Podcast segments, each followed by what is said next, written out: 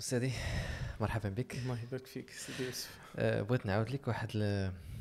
واحد القصة اللي اللي اللي عشتها في الصغر ديالي واللي ما كرهتش بها أننا نبدأو الموضوع ديالنا إن شاء الله. أه القصة ما فيها هو أنه أنا صغري دوزتو في مراكش والجد ديالي الله يرحمه كان كان هو اللي كيودن في المسجد. فواحد النهار دخلت للمسجد أنا و أنا والصديق ديالي على ما أظن وكنا جالسين كنلعبوا راك عارف ملي كتكون صغير بالعكس كان كيعجبنا أننا ندخلوا للجامع ونلعبوا فيه surtout ملي كيكون اللور خاوي وهذا حتى واحد النهار جا جا السيد اللي كيكون من مورا الإمام وجرى علينا. وديك الساعة فهمتي ما عجبنيش الحال. قلت علاش؟ اش كيدير معايا بحال هكا؟ وجدي هو اللي كيودن تماك وهذا وهذا الشيء خلاني نفكر في بزاف ديال الحالات اللي اللي اللي كبرنا فيهم ديال تربينا الدين بواحد القساوة. اللي خلات أنه في بعض الأحيان بنادم يهرب من الدين على أنه يتقرب من الدين. كنهضر على ضرب الوالدين كنهضر على بزاف تنعرف مثلا بنات اللي حيدوا الحجاب غير حنت الطريقة كيفاش داروه في الأول كان فيها واحد القسوة فهي حيدات وحسات بأنه راه خرجات. فشنو كتقول في هذه القضية؟ بسم الله الرحمن الرحيم. الصلاة والسلام على رسول الله. هذا الواقع اللي حكيتي سيدي يوسف يعني يكاد واحد المجموعة ديال الناس كيشتركوا فيها. يعني كاين ممارسات من بعض الناس يعني بخصوص الأطفال ملي كيجيو للمساجد كيديروها الناس وكتسبب في واحد الأزمات نفسية لهذوك الوليدات. كاين اللي كيكره المسجد ما كيتلاش باغي يجي للمسجد. وربما نفس الواقعة وقعت لي ثانية يعني أنا ملي جا واحد السيد دخلت المسجد كنت ورا الإمام جبدني من كفاية ورجعني اللور وما شرحش ليا. فهاد الواقعة هذه خلتني أنا نمشي من المسجد ما نبقاش نجي تماما حتى شاء الله سبحانه وتعالى ورجعت للمسجد. الخلل اللي كاين هو أن بعض الناس هاد الممارسات هذه كيلبسوها لبوس الدين. كيتعاملوا بهذه الممارسات على أساس أنها دين. والخطير في الأمر أنه ما كيشرحش لك. لأن يعني بعض الناس مثلا تستدل بحديث موضوع ملي كنقولوا موضوع أنه مكذوب على النبي صلى الله عليه وسلم مختلق. آه، أن النبي عليه الصلاة والسلام يقول جنبوا مساجدكم صبيانكم ومجانينكم. هذا حديث موضوع لا يصح. قالوا بعض الناس انه تيمشي تيحيد هذوك الدراري الصغار من المسجد يجري عليهم بدعوى ان المسجد هو مكان للعبادة هاد الوليدات ما خصهمش يكونوا في المسجد. للأسف هذا خلل خلل في التربية. علاش؟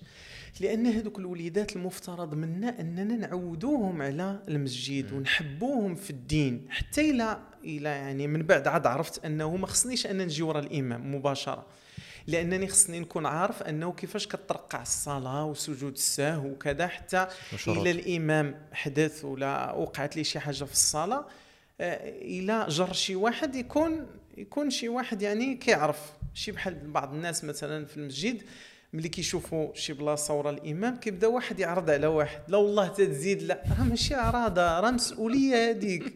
مسؤولية أنني خص اللي يكون ورا الإمام. خصو يكون تيعرف ترقيع الصلاة ما يوقعش ليه بحال هذاك اللي آه الإمام يمكن تقد ليه الوضوء ديالو خرج ولكن جر واحد من اللور جرو ودخل المقصورة باش يتوضا ملي خرج كمل الوضوء لقى هذاك اللي جرو دخل مع المقصورة وكيقول ليه السي الفقيه واش عيطتي عليا خصك شي حاجة؟ فهذا هذا خلل. فلا شك أننا إلى الوليدات جبناهم مثلا. المسجد شرط أنه ما يكونش الوليد اللي ما كيضبطش راسو يقدر يدير شي حاجة في المسجد ديال النجاسة وكذا. يكون الوليد ما غيشوش على المصلين ولكن نحببه في هذه الصلاة. لا أكثر من فعل النبي عليه الصلاة والسلام الذي يمثل لنا القدوة. وقد سجد وأطال سجوده.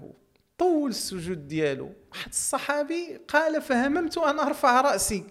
حتى سأل النبي عليه الصلاة والسلام ظهر عندهم قال إن ابني هذا ارتحلني. الحسن ابن فاطمة ابن علي إن ابني هذا ارتحلني. فخلاه النبي عليه الصلاة والسلام هو راكب وهو ساجد.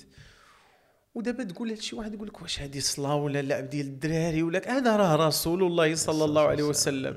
ويلتفت إليهم ويقول لهم ها إن ابني هذا ارتحلني. فتركته حتى قضى حاجته ولعل الله وإنه ريحانة. ولعل الله أن يصلح به بين فئتين عظيمتين من المسلمين وكان أن أصلح الله تعالى به بين فئتين عظيمتين من المسلمين.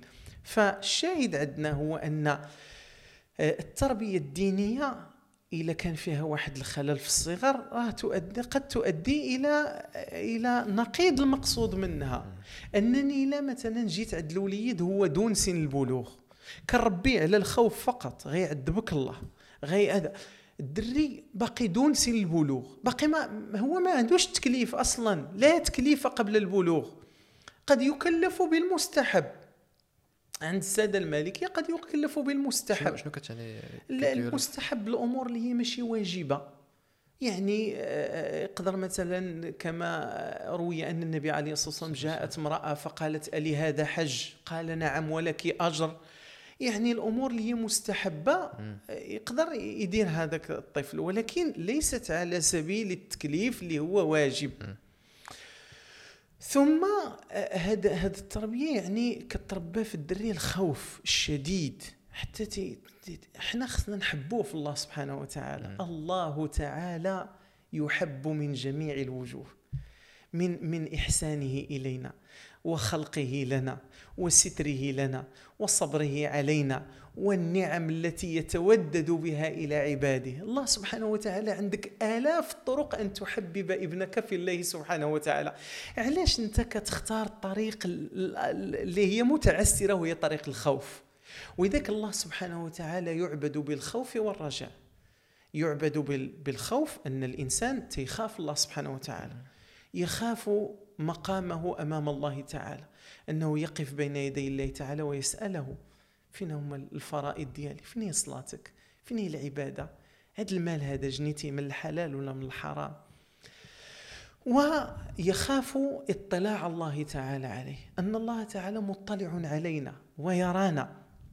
فلذلك وكاين الرجاء. الرجاء هو أن الإنسان يرجو رحمة الله. وهذا الرجاء هو كيمثل لنا الأمل. ان الإنسان إلا قلتي لي بأن ما كاين على العذاب يقول لك أودي إلا ما كاين على العذاب أتمادى في هذا هذه المعصية. ولذلك يقول الشيخ الشعراوي إن الله تبارك وتعالى حين يفتح باب التوبة يريد لحركة العالم أن تسير. هب أن نفسا غفلت مرة أو قادتها شهوتها إلى معصية مرة. لو لم تكن هنالك توبة ومغفرة لانقلب الناس إلى شياطين. ولكن الله يطمئن المؤمن على أغيار نفسه. وأنه حينما يقع في الذنب فذلك لا يخرجه من حظيرة المتقين. لأن الله تعالى يقول إن الذين اتقوا إذا مسهم طائف من الشيطان تذكروا فإذا هم مبصرون.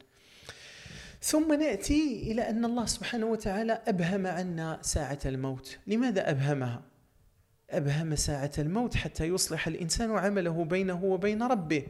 ولذلك قد يقول قائل ما دام الله تعالى شرع التوبة فلافعل ما أشاء. وديك الساعة نتوب.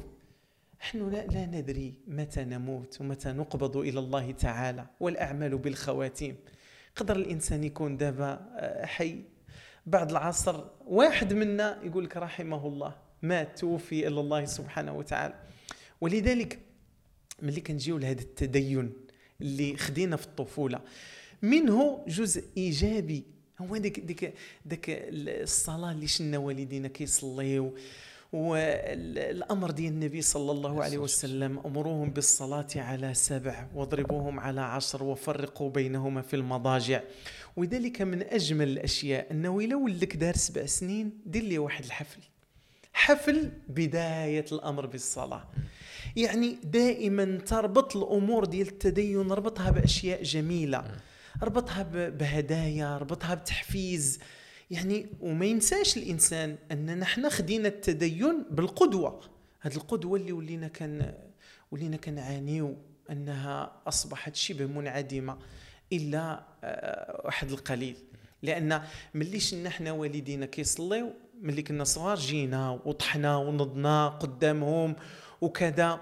علاش؟ شنا واحد المظهر من مظاهر التدين. لذلك ذاك التدين يقدر الإنسان ياخذه بالقدوة.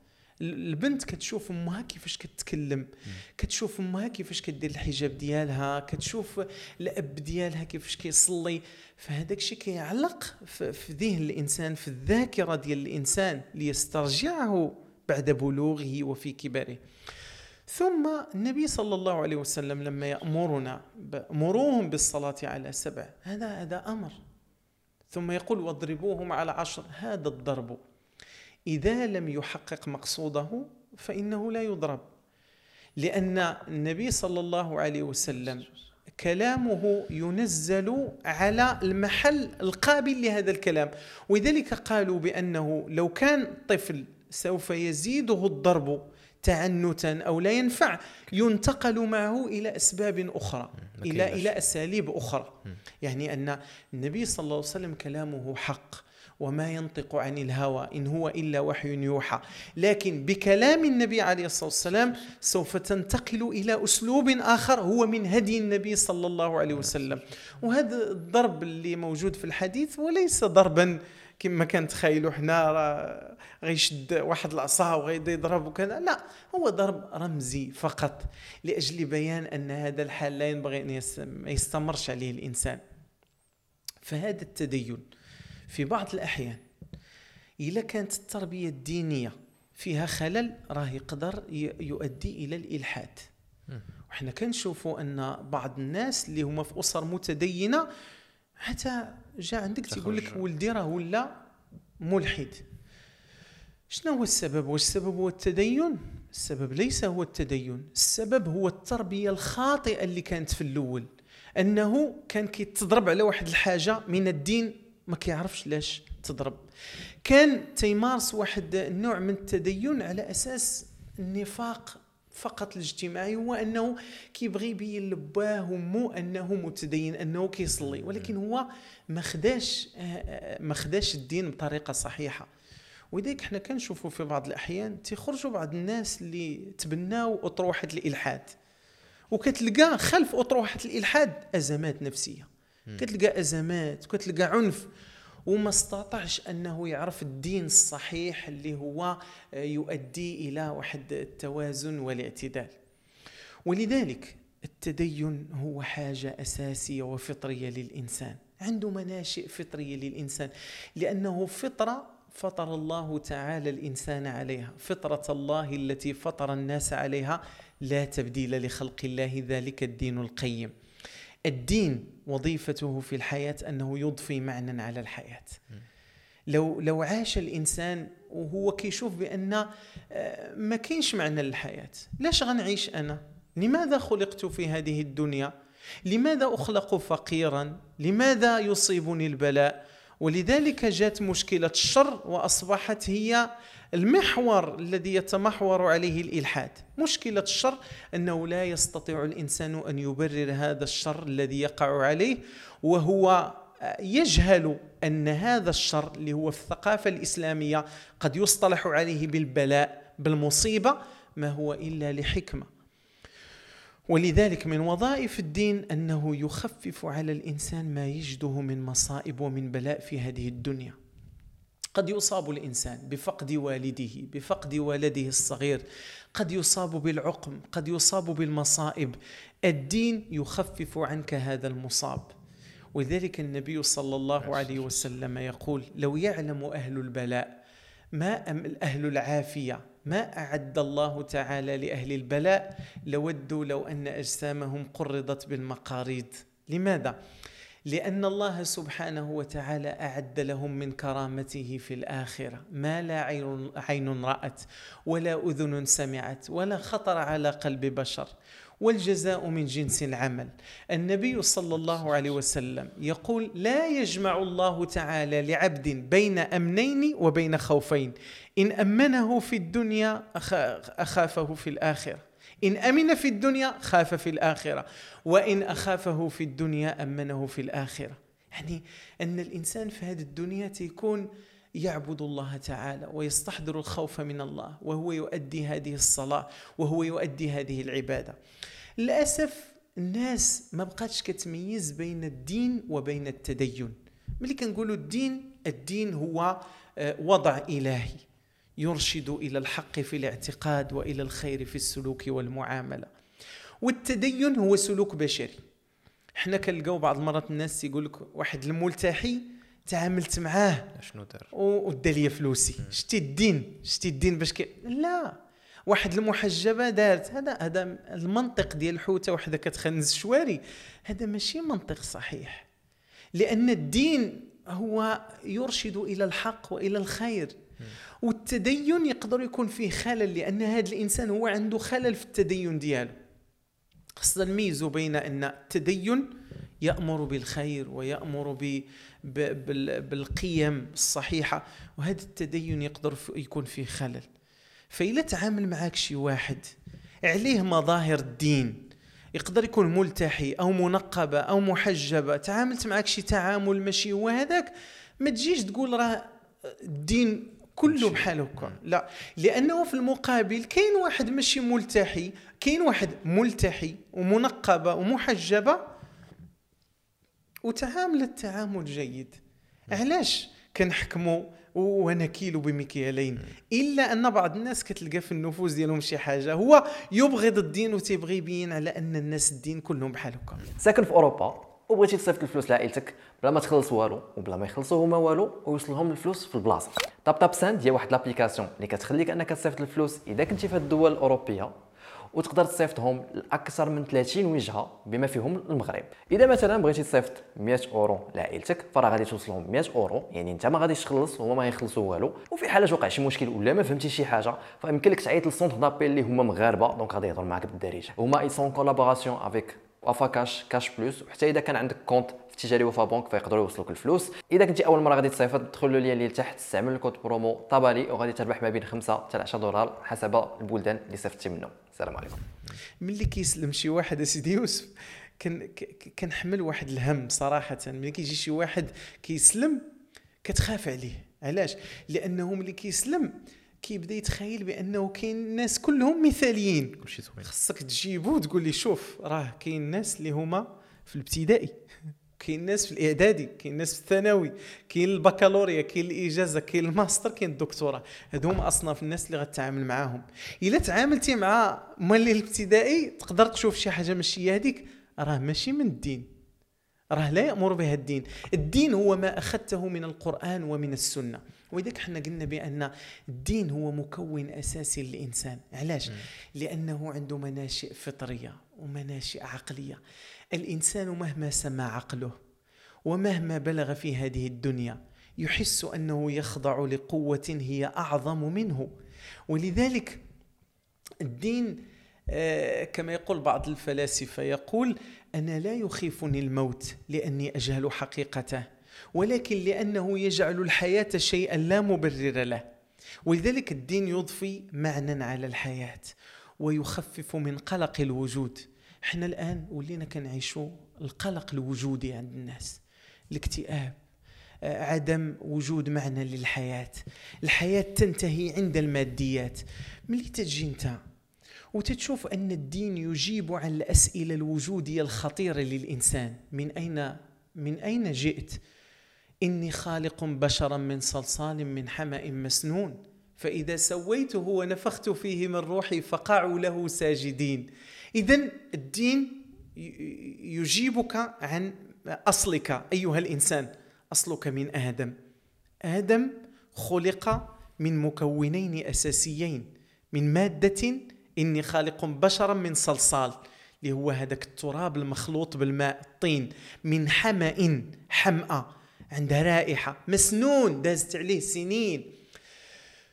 والمناسبة في تشكل في يعني وجود المادة اللي هي الطينية قابلية التشكل والتعلم.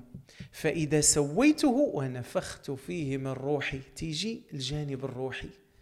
الجانب المادي ما هو إلا تسكين للألم وأصبح الناس يتنافسون فيه. كتشوف الإنسان أنه تي يعني الغاية ولات ركب مزيان سكن مزيان ناكل مزيان. هذا لا يعارضه الدين. هذا ماشي ما لا يعارضه الدين. لكن المشكل هو أن تعتقد أن الحياة هي هذه لا كاين واحد الجانب روحي فيك. كل مرة يصرخ ينادي. المادة ما هي إلا تسكين للألم. ما هو روحي؟ لا يقوم إلا بما هو روحي. ما هو روحي؟ هو ما أمر الله سبحانه وتعالى به من قرآن من سنة من عبادات. هذه هي اللي كتغطي الجانب الروحي في الإنسان الذي يحس معه بالطمأنينة. يقدر الإنسان يكون ما عندوش. فرحان سعيد. لماذا؟ عنده الدين. وماشي معناها أنك متدين خصك تعيش فقير ومظلوم ومقهور. لا. النبي صلى الله عليه وسلم يقول نعم المال الصالح للعبد الصالح. إحنا مسلمين بغينا نركبوا مزيان بغينا ناكلوا مزيان نسكنوا مزيان. هذا لا يعارض الدين. النبي صلى الله عليه وسلم يقول نعم المال الصالح للعبد الصالح. فلكن المشكل أن الإنسان يختزل الحياة ديالو كلها في الأمور المادية. ولذلك ماشي غريب أننا نلقاو بعض الناس وصلوا للقمة في الماديات وكيحل الشرجم وكيتلاح وكينتحر. علاش؟ الجانب الروحي فيه البرد فيه خواء. ما قدرش أنه يعمره ما كايناش السعادة. كيتقلق تيغير الهاتف كيغير السيارة ديالو كيغير المسكن وهو يبحث عن السعادة وهو لا يجدها في الأمور المادية لأنها لا تنتهي. الدين يروي عطش الخلود ما من أحد منا إلا ويحب أن يخلد في هذه الدنيا. كان صحيح معافى من ذوي الاحتياجات الخاصة معاق يحب أن يعيش ويخلد في هذه الدنيا. الدين هو اللي كيعطيك هذه الإمكانية لأنه يعطيك إمكانية الحياة بعد الموت. بعد الموت يعيش الإنسان في جنة عرضها السماوات والأرض. ومن أبرز الأدلة على وجود الدين هي ما نجده من شر. الله سبحانه وتعالى وصف لنا أنفسنا. وصف لنا هذا الشر. ولذلك الإسلام لا يصنع آه، عدوا عاقلا وإنما يصنع عدوا ماجنا. يكفي أنك ترى الشر الذي حذرك حذرك منه الدين. حذرك منه الدين فتستدل به على وجود الدين. أخطأ كثير من الناس. توجه العلماني في المغرب أصبح آه، يفسر الدين تفسيرات مادية. فبدأ كيجيب لنا التصور الغربي على الدين. لا شك أن الدين في الغرب مر بمراحل كانت يعني آه، كان يربط الدين بالفترة البدائية كما يقول كانت. وأن الدين كان لأجل تبرير الخوف من الطبيعة أو لأجل أن الإنسان يجهل علل الظواهر فابتدع الدين لأجل ان ان أن يفسر هذا هذا الجهل. لأنه تيشوف أن هذا العالم الميتافيزيقي ما هو إلا عالم من صنع الإنسان. هذا تصور عن الدين تصور خاطئ. لأن الدين عندنا في الإسلام لا يقارن بهذه الظواهر التي هي تجريبية فقط. ولذلك إما أن يختزله في أن الدين هو تفسير لأجل الجهل بعلل الظواهر أن الإنسان لما كان يجهل الأمور الطبيعية ابتدع الدين لأجل أن يضفي على هذه الأمور الطبيعية ضربا من التدين. لا التدين عندنا هو ضرب من السلوك الذي خلقه الله تعالى في الإنسان. كل مولود يولد على الفطرة فأبواه يهودانه أو ينصرانه أو يمجسانه. فلذلك التدخل البشري هو الذي كان جناية على هذا الدين. بعضهم يفسر الدين على أنه يعني آه، مرحلة مر بها الإنسان آه، يعني بعدما كانت يعني المرحلة البدائية جاءت المرحلة العلمية ثم المرحلة التجريبية ولذلك ينبغي أن نتخلى عن هذا الدين. العلم لا يستطيع أن يعوض هذا الدين. العلم يقدر يفسر لك الظاهرة والتفسيرات ديال الظاهرة تقدر تكون كثيرة. ولكن الدين العلم هل يستطيع أن يغطي الجانب الروحي؟ لا يستطيع أن يغطي الجانب الروحي. ولذلك بعض الناس يفرض كيفرض التناقض بين الدين والعلم. التناقض خصو يكون بشي جوج يتواردان على محل واحد اللي يكون التناقض. أما وظيفة العلم هو تفسير الظاهرة أما وظيفة الدين هو هداية البشرية. ولذلك ملي كنجيو للدين كمكون فطري في الإنسان راه الأمة المغربية هي أمة متدينة. ولا نستطيع أن ننفصل عن الدين. علاش؟ لأن هذا البلد هذا آه، له يعني آه، جذور ضاربة في التدين. ما يغروكش الناس اللي كتشوفهم. مثلا تشوف بنت ما لابساش الحجاب ولا واحد سكران ولا غادي وكذا. هذه ممارسات هي تنافي الدين. معصية. ولكن راه لا تخرج الإنسان من الدين. شد هذاك الإنسان هذاك السكير. ذكر لي النبي صلى الله عليه وسلم. ما يقبلش منك أنك تسب النبي صلى الله عليه وسلم. وقف وقول لي بغينا نتعاونوا نبنيو واحد المسجد ولا كذا ولا بغينا نتصدقوا لك. هو أول من يساهم. تقدر تلقاه هو الأول. لا، هاد المرأة مثلا اللي تقدر تلقاها ما دايرش الحجاب. هي خصها دير الحجاب. ولكن ما يمكنش أن حيت ما ديراش الحجاب تخرجها من الدين وتنفي عليها أنها تكون متدينة أو خاشعة. لا الدين هو قضية ناجحة. المحامي ديالها خصو يكون محامي جيد ماشي محامي فاشل. آه، ذكرتي لي سيدي يوسف هذاك هذاك التصرف اللي دار هذاك السيد هذاك التصرف يقدر يكون في الشارع. يقدر الإنسان يشوف شي واحد ماشي متدين وينظر ليه واحد النظرة ديال الازدراء. ديال التكبر. يقدر يكون غادي داخل الجامع ويلتفت ويشوف الناس ما كيصليوش. شكون اللي بحالي أنا؟ أنا كنصلي. الناس ما كتصليش. هذا راه عجب هذا أمر خطير. حنا في الثقافة الإسلامية أدبنا ربنا بقوله تعالى الذين يؤتون ما آتوا وقلوبهم وجلة خاشعة. أمنا عائشة تقول النبي عليه الصلاة والسلام أهم الذين يسرقون ويزنون؟ قال لا. هم الذين يصلون. يصومون يخافون أن لا يتقبل أن لا يتقبل الله تعالى منهم. فلذلك إحنا لا نستعلي على الناس بعبادتنا. مهما عبد الإنسان ربه فإنه يا ربي تقبل مني يا ربي تقبل مني. ولكن بال- بالمقابل الله تعالى نسلك له بالخوف والرجاء. تلقى بعض الناس مثلا في مواقع التواصل شيخة أو تلقاها يعني آه، كدير راقصة كتقول لك أنا كيحبني الله سبحانه وتعالى. هذا راه تألي على الله تعالى هذا راه هذا راه السلوك يخالف الدين أنك تقول كيحبني الله سبحانه وتعالى. بماذا عرفت أنه يحبك؟ عندك الوحي أنت باقي كينزل لك الوحي. الإنسان أنت كتمارسي واحد السلوك اللي كيخالف الدين وكتخرجي كتصوري مع الناس كتصدقي عليهم وكذا وكتقولي راه راه الله تعالى كيحبني. والله تعالى كيعاونني والله سبحانه وتعالى كيبغيني. راه الله سبحانه وتعالى يحب من يعبده يحب المتقين. حنا راه ما عندناش صكوك الغفران.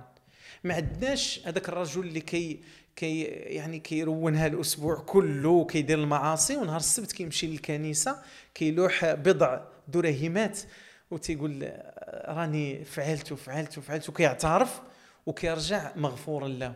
هذا ما عندناش إحنا في الدين. هذا تصور خاطئ على الدين. النبي صلى الله عليه وسلم يحكي عن ربه حديثا عظيما. من عاد لي وليا. يقول الله تعالى من عاد لي وليا فقد آذنته بالحرب. ولا يزال عبدي يتقرب وما تقرب إلي عبدي بشيء أحب إلي مما افترضته عليه. ولا يزال عبدي يتقرب إلي بالنوافل حتى أحبه. فإذا أحببته كنت سمعه الذي يسمع به وبصره الذي يبصر به ويده التي يبطش بها ورجله التي يمشي بها. ولئن سألني لأعطينه. ولئن استعاذني لأعيذنه. وما ترددت في شيء ترددي في قبض نفس المؤمن. يكره الموت وأنا أكره مساءته. هذا الحديث الشق الأول فيه هو وما تقرب إلي عبدي بشيء أحب إلي مما افترضته عليه. يعني أن الإنسان ينبغي أن يتقرب إلى الله بالفرائض هي الأولى. الله سبحانه وتعالى أمرنا بالصلاة أمرنا بالزكاة أمرنا بالصيام. المفهوم الخاطئ ديال التدين عند الناس أنه ما يصليش ونهار الجمعة يمشي يتصدق وكيرجع فرحان تيقول لا راني درت. ولا يدير عمرة وهو عنده البار وعنده مشاريع اللي كتخالف الشريعة. وتيقول لك الحاج مسكين كل جمعة تيفرق خبزة وكيمشي للحج وكيمشي للعمرة. هذا راه مفهوم كنسي هذا ديال الدين هذا. الدين حنا عندنا. قل إن صلاتي ونسكي ومحياي لله رب العالمين لا شريك له. يعني أن الدين ينبغي أن يغطي حياة الإنسان. يصلي الإنسان ويعبد الله ويتقرب إليه. ما كنقولوش حنا ملائكة. لا نصف أنفسنا بالملائكة. لولا أنكم تذنبون كما في الحديث فتستغفرون لذهب الله بكم وأتى بأقوام يذنبون فيستغفرون فيغفر الله تعالى لهم ولذلك ينبغي علينا أن نراجع تصورنا عن الدين. والدين يعني التلقين ديالو ما كيكونش بالعنف ما كيكونش بالقسوة تكون بالتي هي أحسن. قدوتنا في ذلك من؟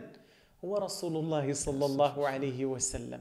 وإنك لعلى خلق عظيم. هكذا أدبه ربه سبحانه وتعالى. mais هضرتي على l'exemple ديال مثلا اللي اللي عنده مثلا بار وكيمشي للعمرة أو اللي غير محجبة أو لا أو لا أو لا. ما كتشوفش أنه بعض المرات كاين بعض الناس كيعطيو راسهم الأحقية أو لا كيعطيو راسهم الحق باش أنهم يسيئوا لشي حد باسم الدين.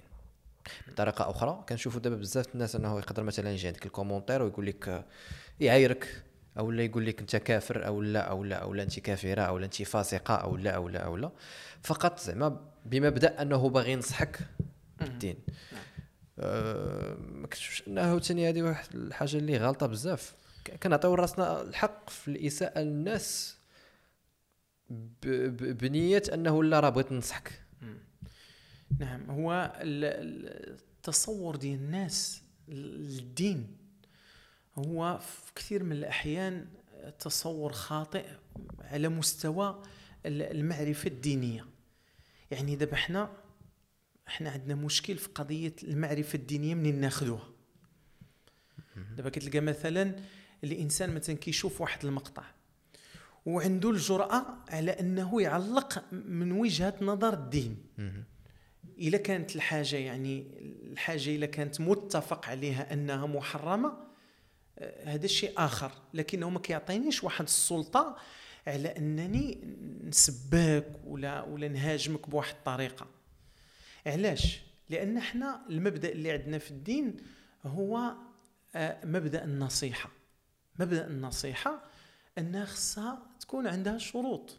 يعني أنه النصيحة خصها تكون بالتي هي أحسن خصنا نتقربوا لهذاك الإنسان اللي غنصحوه لأن النبي صلى الله عليه وسلم. يقول الدين النصيحة.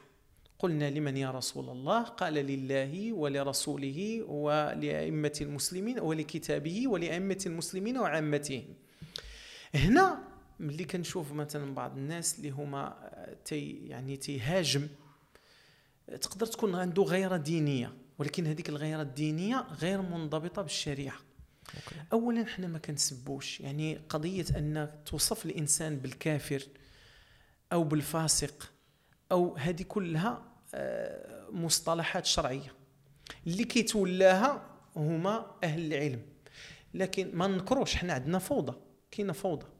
حتى ما يصطلح عليهم. يعني بعض المرات يعني إحنا مثلا كنلقبوا أي واحد بداعية إسلامي. أو شيخ.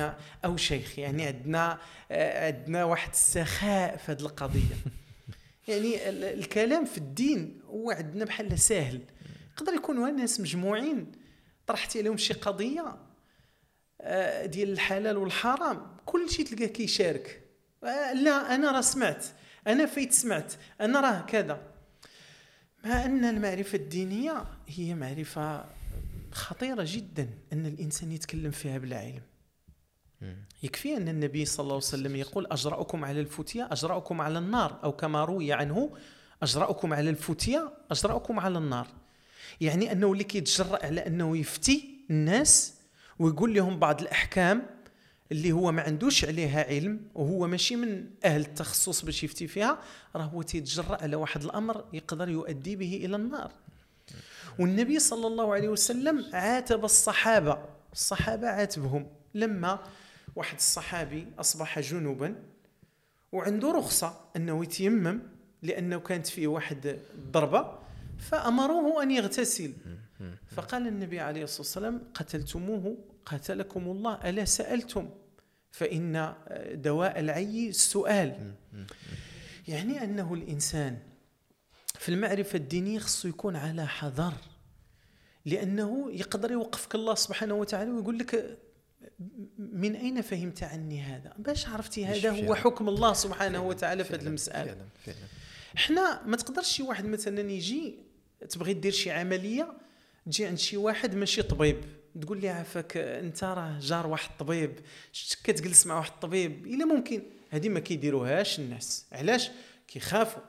في أمور الدين تلقاه عنده عادي أنه يسول أي واحد.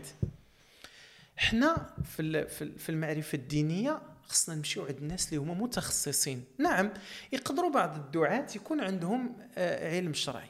يكون عندهم واحد المعرفة دينية. لكن ملي كنوصلوا للأمور ديال الحلال والحرام والأمور ديال الفتوى خصنا نتوجهوا للعلماء. والحمد لله في البلاد ديالنا كاين العلماء موجودين. يعني ماشي حنا يعني كنتسناو حتى أنه نتصنتوا العلماء مفروضين علينا مثلا من بلد آخر وكذا. الحمد لله عندنا مجالس علمية. عندنا المجلس الم- العلمي الأعلى الذي يترأسه صاحب الجلالة. يعني هذه كلها هيئات علمية. كاين من الناس اللي هما داخل المجلس العلمي وكاين اللي اللي ماشي من المجلس العلمي ولكن عندهم تزكيات من المجالس العلمية وخط ووعاظ وخطباء وكذا. يمكن أنهم يفيدونا على على درجات. يعني كاين الأمور اللي اللي أمور كبيرة كنمشيو عند العلماء. وحنا في حاجة للعلماء. حنا في حاجة للعلماء. لكن بعض الناس مثلا اللي كيكون منهم واحد الاستفزاز في مواقع التواصل الاجتماعي. ال- الأمور دينية وكيعرضوا يعني شي أمور اللي تستفز الناس كيدخلوا الناس يعلقوا. كتكون غيرة. كاين الناس اللي هما منضبطين ما نكروش أنه كاين الناس اللي هما منضبطين في التعليقات ديالهم وكاين الناس اللي هما غير منضبطين أمور ديال التكفير هذه أمور خطيرة. وي. لأن النبي عليه الصلاة والسلام يقول من قال لأخيه يا كافر. فإما كان كما قال أو حارت عليه. رجعت عليه. رجعت عليه. قلتي لي هي كافر خرجتيه من الدين. آه، أو يا فاسق. هذه كلها مسميات شرعية. ما كنكروش أن هذه المسميات الشرعية هي موجودة. هي في الشريعة. الكفر والإيمان الفسق والعصيان هي موجودة. لكن الذي يتولى آه، يتولى هذا الأمر هما آه، العلماء ماشي أي واحد. وي. العلماء. فهذا بخصوص المعرفة الدينية. والمعرفة الدينية مستويات درجات. كاين المعرفة الدينية اللي اللي يمكن يعرف يعني أي واحد يعرفها. الأمور اللي مرتبطة بالصلاة مرتبطة بالزكاة مرتبطة بالصيام. هذا آه، يعني المعلوم من الدين بالضرورة خص أي واحد يكون تيعرفه وكاين واحد المعرفة الدينية اللي هو واحد المستوى كبير. هذه يقدر اللي كيتولاها هما العلماء.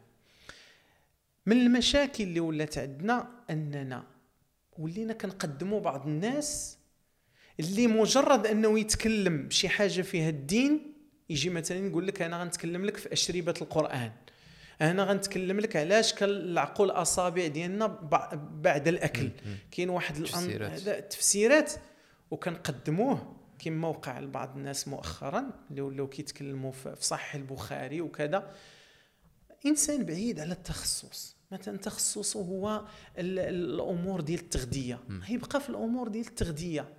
المشكل اللي طرا لنا حنا هنا أننا ولينا أمور الدين باغيين باغيين نديروا بها البوز. باغيين نديروا فيها الأخذ والرد. المعر... بعض الأمور في الدين ولينا كنتعاملوا معها على انها أفكار قابلة للنقاش. وهذا هو الخطير في الأمر. راه ملي كنتكلموا مثلا في الإرث وكنتكلموا مثلا في, في تحريم الزنا وكنتكلموا في, في تحريم قتل النفس راه كنتكلموا في أمور قطعية. ما خصناش نوقعوا في واحد الفخ اللي هو أي حاجة في الدين ولات قابله للاخذ والرد. كتلاقى بشي واحد في الزنقة تيقول لك الخمر. آه قال الله تعالى فاجتنبوه. اجتناب. اجتناب أشد من التحريم. الله تعالى ذكر الاجتناب في سياقات. هي أشد من تحريم الخمر اللي هو فاجتنبوا الرجس من الأوثان واجتنبوا قول الزور. هذا الخمر حرم بالقرآن وحرم بالسنة. فيجي شي واحد ما قاري ما سامع في الدين يقول لك لا آه، الخمر عاف اجتنبوه هذاك الاجتناب رأى لا تجلس في المائدة الذي التي عليها خمر. هذاك الخمر راه لعن فيه تسعة الحامل والمحمول إليه وال- والشارب والعاصر وكل هؤلاء الذين يكونون سببا في هذيك القنينة ديال الخمر. فكيفاش تجي الإنسان ويقول لك أودي الله فاجتنبوه فقط؟ فنحتاج أن نعيد النظر في المعرفة الدينية أن ماشي أي واحد كيتكلم في الدين. يقدر يكون داعية عنده القدرة على أنه يدير موعظة كذا. ولكن ملي كنجيو الأمور ديال الحلال والحرام عندها الناس ديالها. أنا أنا كنظن كاين المشكل من جوج جهات. كان كاين المشكل من الجهة ديال ديال ديال ديالنا ديال ديال الجميع. ديالنا كناس ماشي ماشي دعاة ماشي شيوخ ماشي هذا. ديال أنه آه، بعض المرات كما قلت في الأول ديال أنه كان كنديروا بعض السلوكات فقط حنت غادية مع الدين فبالتالي واخا خايبة. ما كنسكتوا عليها. نعطيك مثال. يعني بحال مثلا كاين شي حوايج اللي ما كاينينش في الدين. بحال مثلا شتي شي واحد كيدير شي شي, شي منكر مثلا مشي بعض الحالات اللي كنا كنشوفوهم شي واحد مثلي شي واحد ما صايمش آه، حالات بحال مثلا واحد في دارو كيدير الزنا أو لا هذا. شفنا بزاف ديال الحالات اللي شي ناس اللي اللي اللي ساءوا لهم بالضرب وهذا باسم أنه راه كيدير شي حاجة اللي اللي, خايبة. فب... وكنسكتوا على هذه القضية. علاش كنسكتوا على هذه القضية؟ حيت كنقولوا وراه خونا راه فعلا دار واحد الحاجة خايبة. أولا شي بنت ما لابساش مزيان وكيوقع لها شي مشكل وكنقولوا راه هي اللي ما لبساتش مزيان. دابا الإشكال اللي كاين هو أنه هاد الحوايج خايبين نيت وح- وحرام. ولكن كيفاش أنت مشي كيفاش أنت كيفاش تعاملتي معاه. تعاملتي معاهم. آه، غير ب- ب- بفكرة ديال أنه لا راه حنت ضد الدين غادي نعامل بهكا هذه هذه هذه هذه غلطة وخلات أنه كل واحد غادي يدير أي حاجة وغادي يقول أي حاجة. غير حنت فهمتي أنا مع مع الدين. والشيء الآخر هو أنه حتى حتى حتى الدعاة وحتى العلماء كنظن أنهم مع هذه القضية ما عرفتش واش نقدر نقولها ولا لا ولكن واش هما اللي واش هما اللي ما بقى واش الناس اللي ما بقاوش كيعطوهم قيمة أو لا هما اللي ما كيعطيوش القيمة لرأسهم؟ نقدر نقول هذه القضية. آه، يمكن يكون في البعض يعني. أوكي. يمكن يكون البعض يعني كيحط راسو مثلا في شي مواقف اللي هي كتجعلو أنه الناس ما يعطيوش قيمة. لكن سيدي يوسف إلا بغينا مثلا هاد الممارسات اللي قلتي يعني هاد الشذوذ الجنسي لأن قضية المصطلحات هي مصطلحات أكيد. خطيرة جدا أكيد.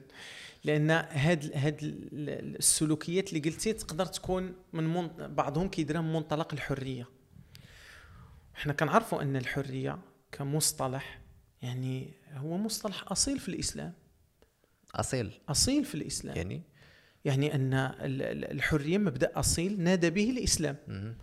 الأنبياء جاءوا لتحرير الأقوام مهم. الأنبياء جاءوا ليحرروا الناس من عبادة غير الله إلى عبادة الله سبحانه وتعالى.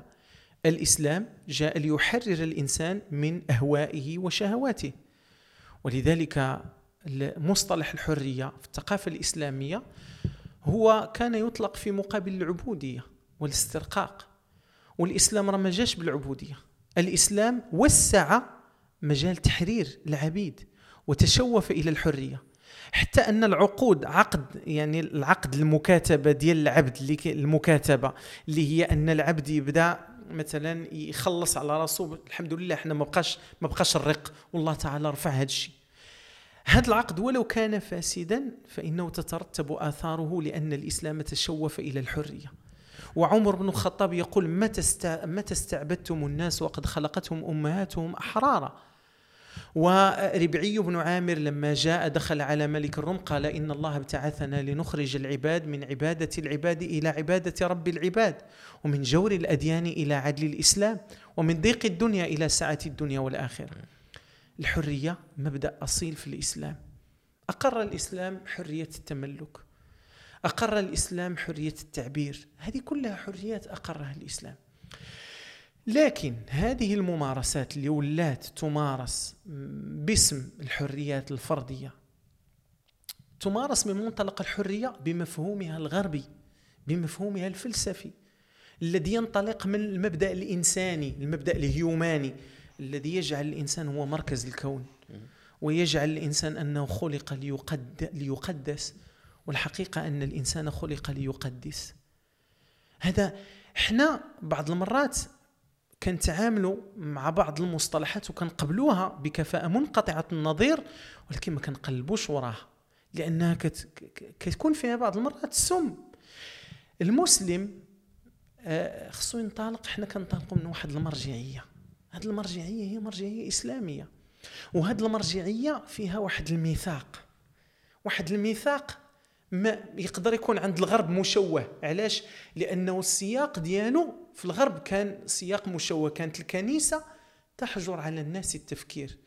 غاليليو كوبرنيكس كان الإعدام كان الموت مباشره لأنهم قالوا ب بمركزيه الشمس ودوران الأرض حولها. وكانت المعرفة اللي كانت كتنادي بها الكنيسة هي مركزية الأرض لأنها مهد المسيح. فمباشرة رأينا بأن الكنيسة لم تقبل أن يكون هناك فكر حر وتكون هناك اكتشافات علمية في حين أن الإسلام لم يحجر عن العلماء. الإسلام فيه ابن نفيس فيه الخوارزمي فيه العلماء. يعني الدين والعلم ما كانش بيناتهم واحد الصدام. لكن مباشرة ملي آه، جاء يعني تسلط الكنيسة. والقهر ديالها الناس. وميكيافيلي جاء باش يبين على أن هؤلاء الذين يدعون القداسة والطهر يعيشون في الرذيلة وكذا بدات الحركة ديال نقد الكتاب المقدس من طرف سبينوزا وغير من من لو يعني بعض الفلاسفة.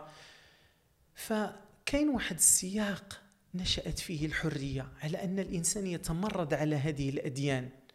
الدين الإسلامي ما فيش هذا الشيء. ما كاينش مناق أنه لا يناقض العلم. لا يحجر عنك هذه الأشياء. فملي نشا هذا التصور ديال الحرية اللي هو تصور فلسفي جاء فجعل من الأديان هو يعادي جعل منها عدوا أصبح يعادي الأديان ويتمرد على الأديان. هذه هذه البضاعة كلها استوردها بعض الناس اللي هم بين قوسين إما الحداثيين أو العلمانيين. يعني والعلمانية ملي كنتكلموا عليها راه ماشي من العلم راه من العالم. هو يعني كما في في دائرة المعارف البريطانية العلمانية هو توجه يدعو إلى مناقضة الدين وعلى تأسيس آه، أخلاق بمعزل عن الدين. يكون يعني المعيار والضابط في تأسيس الأخلاق ما يكونش ديني. يكون الالتزام ليس على أساس الدين وإنما على أساس الخلق الطبيعي. هكذا. فبدينا كنشوفوا هذا المصطلح ديال الحرية كيجينا تحت مسمى الشذوذ الجنسي أو اللوطية. لأن إلى قبلنا مصطلح المثلية راه مصطلح المثلية آه، هو مصطلح عنده حمولة.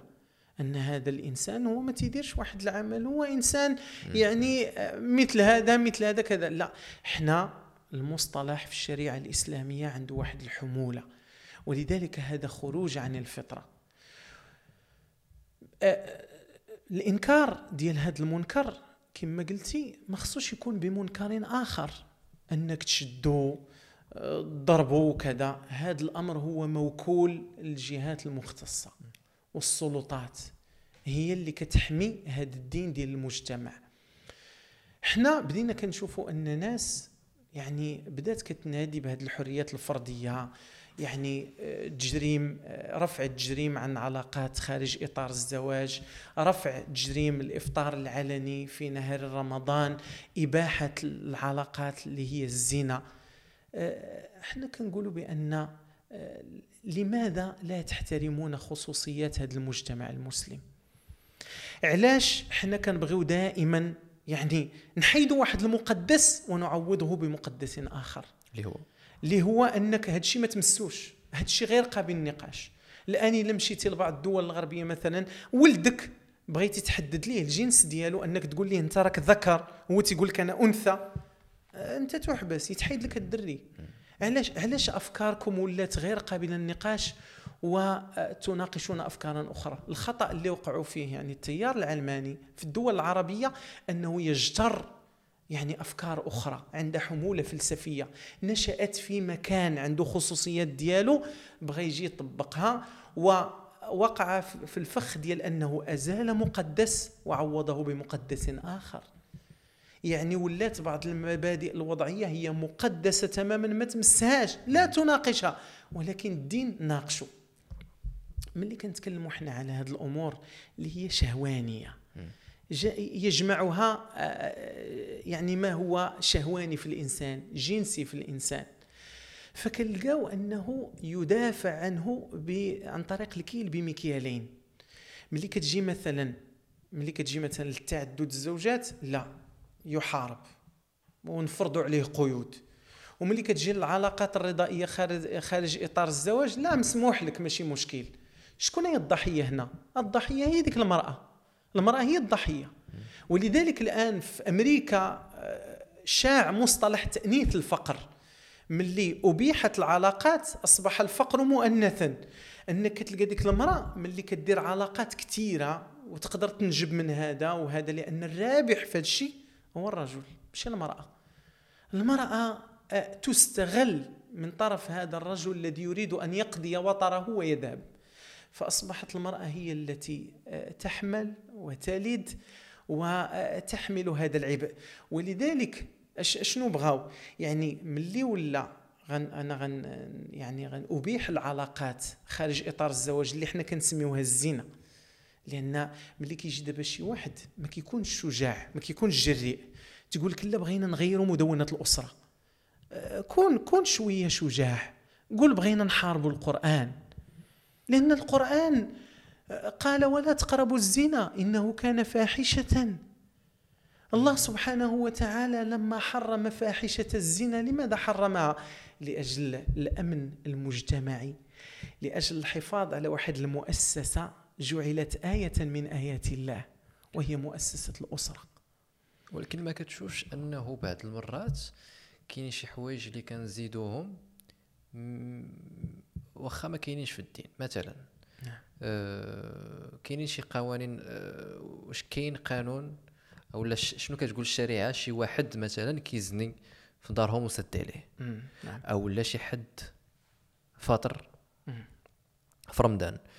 كاين شي حوايج اللي كنظن انت غادي تأكد لي أنهم في الدين في الدين ما كاينش فيهم أنه خاصك تحبسه أو لا خاصك دير ليه. وكأنه يعني كان عارف كيف يجيب لي الله أنه كناخذوها كناخذوا هذه المسألة بعاطفية نعم. كانها مسألة شخصية. يعني مم. أنه إحنا باغيين نبدلوا واحد القوانين اللي كنشوفوا أنهم ما عندهمش علاقة أولا بالدين نعم. فقط عندهم علاقة بثقافة. وغير حنت غير باغيين نبدلوهم كنقولوا لا راه حنت نتوما بغيتوا تبدلوهم فقط هجوم في الدين. أنا أنا ما عرفتش يعني آه، النيات ديالهم يقدر ما الله أعلم. ولكن كنشوف أنه بعض المرات كاين شي حوايج اللي اللي اللي ما عندهمش علاقة peut-être ما عندهمش كاع علاقة بالدين ولكن عندهم علاقة بشي حوايج اللي أصلا داروا اللي ما كاينينش أصلا في الدين. ما عرفتش فهمتي الفكرة ديالي ولا آه شوية. يعني بطريقة أخرى واش كاين واخا في الدين ديالنا واش كاين شي حاجة سميتها أنني غنحبس شي حد حيت ما صايمش. بالنسبة للأمر إحنا نرجع من الأول. قضية مثلا ممارسة الزنا خارج إطار الزواج. من المبررات اللي تيقولوا يعني الناس اللي باغيين يغيروا مثلا هذا الفصل من القانون الجنائي وهو تجريم العلاقات خارج إطار الزواج أن الدولة ماشي من حقها أنها آه، تفتش على الناس أو أنها آه، تجسس على الناس أو أنها يعني تصادر لهم هذه الحرية. اولا إحنا يعني في بلد مسلم يقر بأن الدين الرسمي دياله هو الإسلام. يعني أنا راه مع المسلمين مع المسلمين. هذا المسمى ديال المسلمين كيفرض علينا أننا نتعاملوا مع الناس أنهم يعبدون الله ويقدسون النبي صلى الله عليه وسلم ويحتكمون إلى القرآن الكريم الذي يرى بأن هذه العلاقات هي زينة. ياك. ولكن ملي كنشوفوا الإسلام كيفاش دار باش يثبت هذه العلاقة ديال الزنا راه كنلقاو شروط التعجيز هي أكيد. أنك تثبت أن أربعة الناس كيشوفوا الواقعة كالعود يدخل في المكحلة وكيشوفوا هذيك الواقعة. إلا جاو ثلاثة والرابع بدأ كيترعد وقال والله ما شفت هذا يتجلدوا بأربعة. هذا في الحكم الشرعي. ف آه، غتجي أنت كتقول لا الدولة غتجسس على ثم آه، آه، الا كانت هاد العلاقات تؤدي إلى تخريب النسيج المجتمعي وتؤدي إلى شيوع أبناء الزنا وشيوع أزمات وتؤدي إلى أن هذه المرأة تولي كتسترزق بالعرض ديالها. ألا يحق للدولة إذا رأت أن مصلحة الجماعة أنها تحفظها ألا يحق لها أن تتدخل؟ ولذلك إحنا صراحة بنشوف فيها بهذا الموضوع الزنا موجود ولا ماشي؟ موجود في المجتمع. موجود في المجتمع. ولكن انت اش كدير؟ ملي كتبغي دوز واحد القانون باش تحكم به على عموم الناس كتجيب واحد الصورة وهذا من من من الخبث أو من المكر. كتجيب واحد الصورة اللي هي صورة نادرة وكتقول وهانتوما هذا. هانتوما الدولة كتجسس على هذا. ثم قضيه قضية الفطر.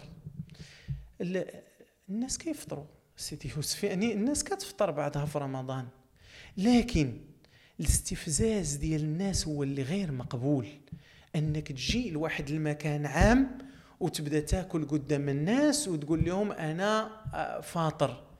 هنا إلا كانت الدولة كتحافظ على واحد الأشكال من أشكال التدين اللي كتشوف بأنها كتحافظ على ذاك النسيج المجتمعي. راه هي كتحميك أنت الأول. أكيد. إلا دخلتي لدارك وفطرتي. واش شي واحد غيلومك؟ وي. حتى واحد ما غيلومك. حنا بعض المرات كندوزو على بعض البنات في الثانوي كتكون مسكينة فيها فيها العادة الشهرية وما عارفاش. وكتاكل. واش كتجي عندك تضربها؟ ولا ما عارفاش. والديها ما ما بينوش لها أنك راه إلا فيك العادة الشهرية راه يمكن تضرقي كتاكل عين بين كذا.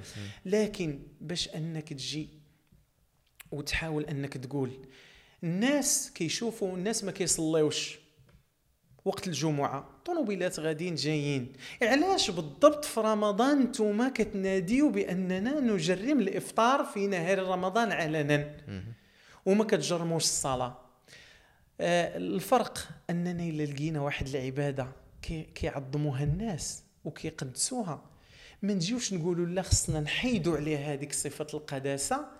لأن الناس ما كتعظمش الصلاة وما كتصليش. راه علاش؟ لأن هذاك الأمر ديال الإفطار العلني دار بواحد الطريقة ديال استفزاز الناس وديال فرض واحد الرأي أحادي. أنت دير دير دير شكل من أشكال الديمقراطية. قول الناس شكون اللي شكون اللي صايم وشكون اللي فاطر. غتلقى الأغلبية ديال الناس صايمين. اللي اللي ما, ما صايمينش قلال وباغيين يمشيو الرأي ديالهم على الناس اللي صايمين. ولذلك من الخلل اللي كان اللي كي اللي كيكون في هذا الشيء هو أننا كنعطيو لبعض الناس عندهم عقد نفسية. كنعطيوهم يتكلموا باسم الدين. كيجيك واحد يقول لك أنا يعني آه، راني قريت الدراسات الإسلامية وبإمكاني أنني نتكلم واخا أنني كنعاني من عقد نفسية ودوزت واحد التربية ماشي هي هذيك تقدر تكون أدت بيا الإلحاد أو غير ذلك ونجي وغنتكلم وغندافع. واش كندير؟ كنفصل الجذور الفلسفية ديال هذا الشيء اللي كنادي به. وما كتكونش عندي الشجاعة أني نقول هذا الشيء أنا كنحارب القران أنا كنحارب الدين المجتمع المغربي آه الحمد لله كنعيشوا حنا واحد الأمن في في المجتمع ديالنا كاين واحد الأمن مجتمعي بين الناس. يعني ملي كيجي كيبغي يخلعك وتيقول لك راه غي هذا لقاوه تيفطر إلا لقاوه كيفطر الإسلام ما تيقولش أنك تضربه. لا. ولا تحبسه. آه، ما كي لا الا الا كان مثلا الدولة شافت المصلحة بأن هذا كيهدد النسيج المجتمعي تقدر أنها تسن واحد القانون. علاش هو باغي يفطر قدام الناس؟ علاش ما, ما بغيش يدخل دارو ويفطر؟ علاش باغي يفطر باغي يفرض الرأي ديالو الأحادي على الناس اللي هما صايمين وباغي يدير لهم واحد الرجة في التدين ديالهم؟ أنا أنا كنظن هذا الاستنتاج قول لي أنت شنو شنو شنو بان لك هو أنه آه، وصراحة عجبتني هذه la discussion حيت آه، قدرت أنني نشوفها بواحد ال- المنظور من هنا ومن هنا. هو أنه كنظن أنه في نهاية المطاف الإشكال اللي عندنا في- المغرب هو أنه كاين ذوك الأقطاب. وكاين بي- بين الأقطاب كاين كراهية. وكنظن أن المشكل بحال تقول الحل ديالو سهل. ولكن بما أنه كنهضروا بواحد المرجعية فكيولي ذاك المشكل أصعب نعطيك مثال. أه نقدروا نقولوا أنا عجبني بزاف ملي قلتي ديك القضية ديال أنه راه المجتمع إذا مشى حتى دار دار القانون ديال أنه مثلا إذا مارستي الزنا أه فراه غا- عندك واحد العقوبات علاش؟ حنت إذا شاف أنه هذاك الزنا راه عنده بعض ال- المشاكل ولا عنده واحد الحوايج اللي خايبين من المجتمع فهنا بي- بينا أنه علاش القانون دار هذه القضية. وما, دخلناش الجانب الديني. حنت حنت بعض المرات شنو كيطرا أنه في في, في, في دوك لي ميساج اللي كنبغيو نقولوا فديما كنبغيو ندخلوا ديك القضية ديال هادي زائد أننا دولة إسلامية. وأنا غادي نكمل لك المثال باش تفهمني شنو باغي نقول. وفي القضية اللي قلتي ديال ديال ديال ديال الإفطار العلني قلتي القضية ديال أنه راه ممكن أنه واحد الافطار حيت كما قلتي وحدة إذا كانت في في في, في مريض مسافر مريض مسافر. عنده أو أو غير أو غير مسلم. إحنا كنلقاو حرج بعض المرات كتسافر وعندك الرخصة أنك تفطر. ولكن ما عمرت شي حد كيديرها على ما أظن صعيبة. وما كتقدش. صعيبة آه، صعيبة آه. وهذا هو الإشكال هو أنه آه، قلتي ديك القضية ديال أنه راه ماشي الإشكال في أنك تفطر. الاشكال في أنك تاتاكي داك داك يعني ش- ش- ش- تستفز. تستفز. الشعور ديال الناس. اللي هما صايمين. أنا كنظن أنه المشكل لا في هذا لا في هذا حيت الآخر كيدافع على داك اللي اللي فاطر. اللي حتى أنت دابا كنتي كتدافع عليه أنه راه فاطر فقط حنت حنت عنده عنده عنده des conditions وك- وكيحامي على هذاك خونا اللي كيزني بفكرة ديال أنه peut-être peut-être ماشي حتى مسلم peut-être أنه المهم عنده عنده شي حوايج. ولكن كيبان لي الإشكال اللي كاين هنا هو أنه كاين واحد الحل وسطي ما بين هاد الجوج. ديال أنه راه كاين أنه غيكون قانون اللي كيحرم هذا الشيء أو اللي كي اللي كي اللي كيعاقب هذه القضية. ولكن كيعاقبها بشروط. أنه ها شنو الشروط ديالها؟ وكاين قانون اللي غادي يعاقب هذه القضية. ولكن لا غادي يكون شروط شنو اللي كيطرا ك- اللي كيطرا هو أنه اللي جايب مرجعيه دينيه بالنسبة ليه أنت غادي تقول ليه يتحيدوا ذاك القانون كيشوفها كأنه attaque directe ليه. فبالتالي أنه يقدر ما يتحاورش معك أصلا في هذه القضية حيت بالنسبة ليه أنت درتيها يعني أنك راه راه كتحارب لي الدين. الآخر هو كيشوفها بواحد المرجعية أخرى. كيشوفها بأنه أنا puisque مرجعية ديال أنني آه، كنفكر في, في, في, في نقدروا نسميوها في الحريات أو لا الحداثة أو لا أو لا. فأنت المرجعية ديالك أنك تيلمون زعما قاصح في ديك المرجعية ما شغلكش شنو النتائج حتى ديالها. هو قاصح. حتى هو قاصح. آه، لا بجوج بجوج. علاش قلت لك قلت لك المشكل كاين في الأقطاب بجوج. بحال تقول تشكلات واحد ال- واحد ال- واحد الكراهية اللي كتخلي أنه الواحد ما غيتحاورش وما غنناقشوش ما غنشوفوش حل وسطي فقط حيت بالنسبة لنا أي واحد كيشوف من هذا المنظور فراه المنظور اللي ما كنشوفش فيه ف- فراه ضد. هو ما ك- إحنا ما كنختزلوش الن- النقاش حول الحريات الفردية. إلا سميناها حريات. ما كنختزلوهاش ما بين الإسلامي وواحد آخر. لأن شنو الخلل دابا اللي كيوقع؟ أن اللي كينادي بهذا الشيء تيقول لك أنا في صراع مع الإسلاميين وكاين عموم الشعب. لا راه هذاك عموم الشعب. راه تا هما راه تا هما. تا مسلمين تا هما مسلمين. المشكل اللي كاين هو أنك أنت جايب ثقافة أخرى وجايب إملاءات أخرى آه، من دول أخرى وترعاها منظمات وتنادي بها ومؤتمرات السكان هي باغا تنزلها وتريد أن تفرضها على مجتمع عنده الخصوصيات ديالو. عايش سنين بهذاك السلم الاجتماعي وغادي وتربوا الناس ديالو على هذاك الشيء. هذا هذا هو المشكل. إلا شي واحد دخل دارو سد عليه وفطر ولو يكون عاصي حيت دابا شنو المشكل؟ المشكل هو أنك أنت أن العاصي إلا حس بأنه هو كيعصى الله تعالى هذا الشعور. راه رب راه هو كيدير الفعل وكيقول يا ربي يا ربي تعفو عليا يا ربي تغفر لي فرق بينه وبين واحد يريد أن يشرع هذا المنكر وبغي يجعله واحد الواقع وملي كتجي تشوفه كيدافع ما كيدافعش مثلا. ما كيدافعش على حق المنقبة مثلا في العمل. ما كيدافعش على آه، هذيك هذيك البنت اللي ولات كتمشي مثلا كتمارس الزنا وهي في عمرها 16 سنة. آه، بغات تزوج تيقول لها لا آه، حتى ديري 18 سنة أو 20 سنة. الزنا حرية فرديه يعني يعني يعني هو تتلقى عنده الكيل بمكيالين. ملي تيجي لبعض الأمور تي مثلا المرأة العدة ديال الوفاة. ما كايناش عند المرأة. وي. المرأة الموظفة دابا واش يمكن لها تعتد العدة ديال الوفاة اللي هي أربعة أشهر وعشرة أيام ما يمكنش. هي علاش ما كتدافعوش على هذه القضية، هذه. يعني يعني إحنا السؤال الكلام اللي تكلمتي زوين علاش؟ لأنك تكلمتي على قضية المرجعية. قلنا اش أش من مرجعيه أنت كت كت كتدافع بها؟ أنا كندافع يقول لك أنا كندافع من مرجعية آه، عقلية. بحال واحد كيجيبوا دابا في, في بعض المنابر تيقول لهم أنا آه، بعد ما كنت في واحد الزنزانه انفرادية وكذا بان لي بأن الإسلام ماشي هو هذاك وهذا الشيء راه كنقولوا منطلق الفكر الحر. أنت ما أنت إلا مجتر الكلام الناس اللي قبل منك.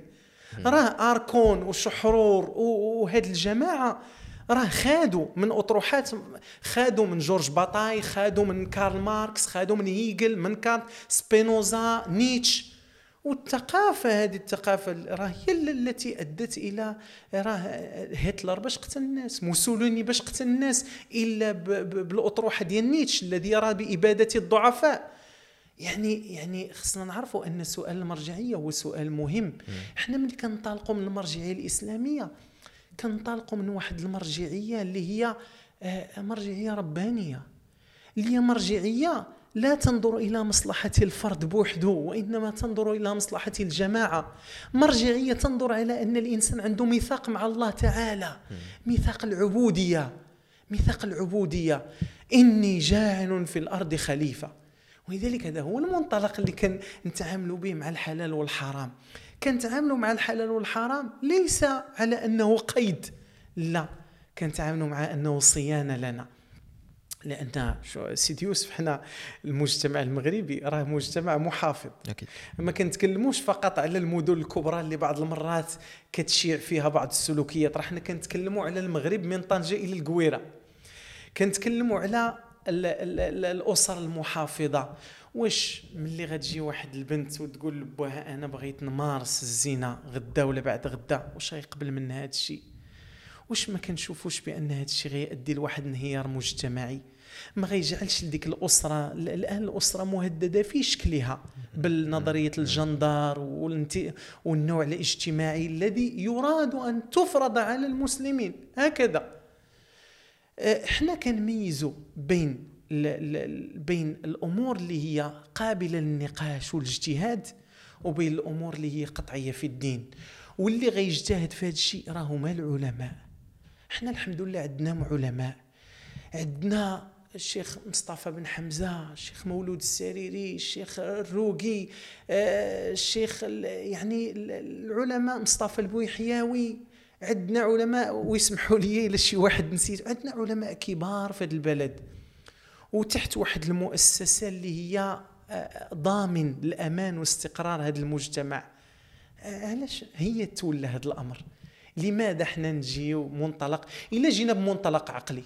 واش بمنطلق عقلي اللي هو منطلق فلسفة أرسطو المحرك الذي لا يتحرك أو الفلسفة المثالية ديال أفلاطون أو اللا ادريه ديال أرسطو أو آه، إش من إش من إش من منطلق نحكمه فإحنا ملي كنجيو كنسولوا سؤال المرجعيه نقول لهم الإسلام آه، دين يختلف عن النصرانية التي حرفت.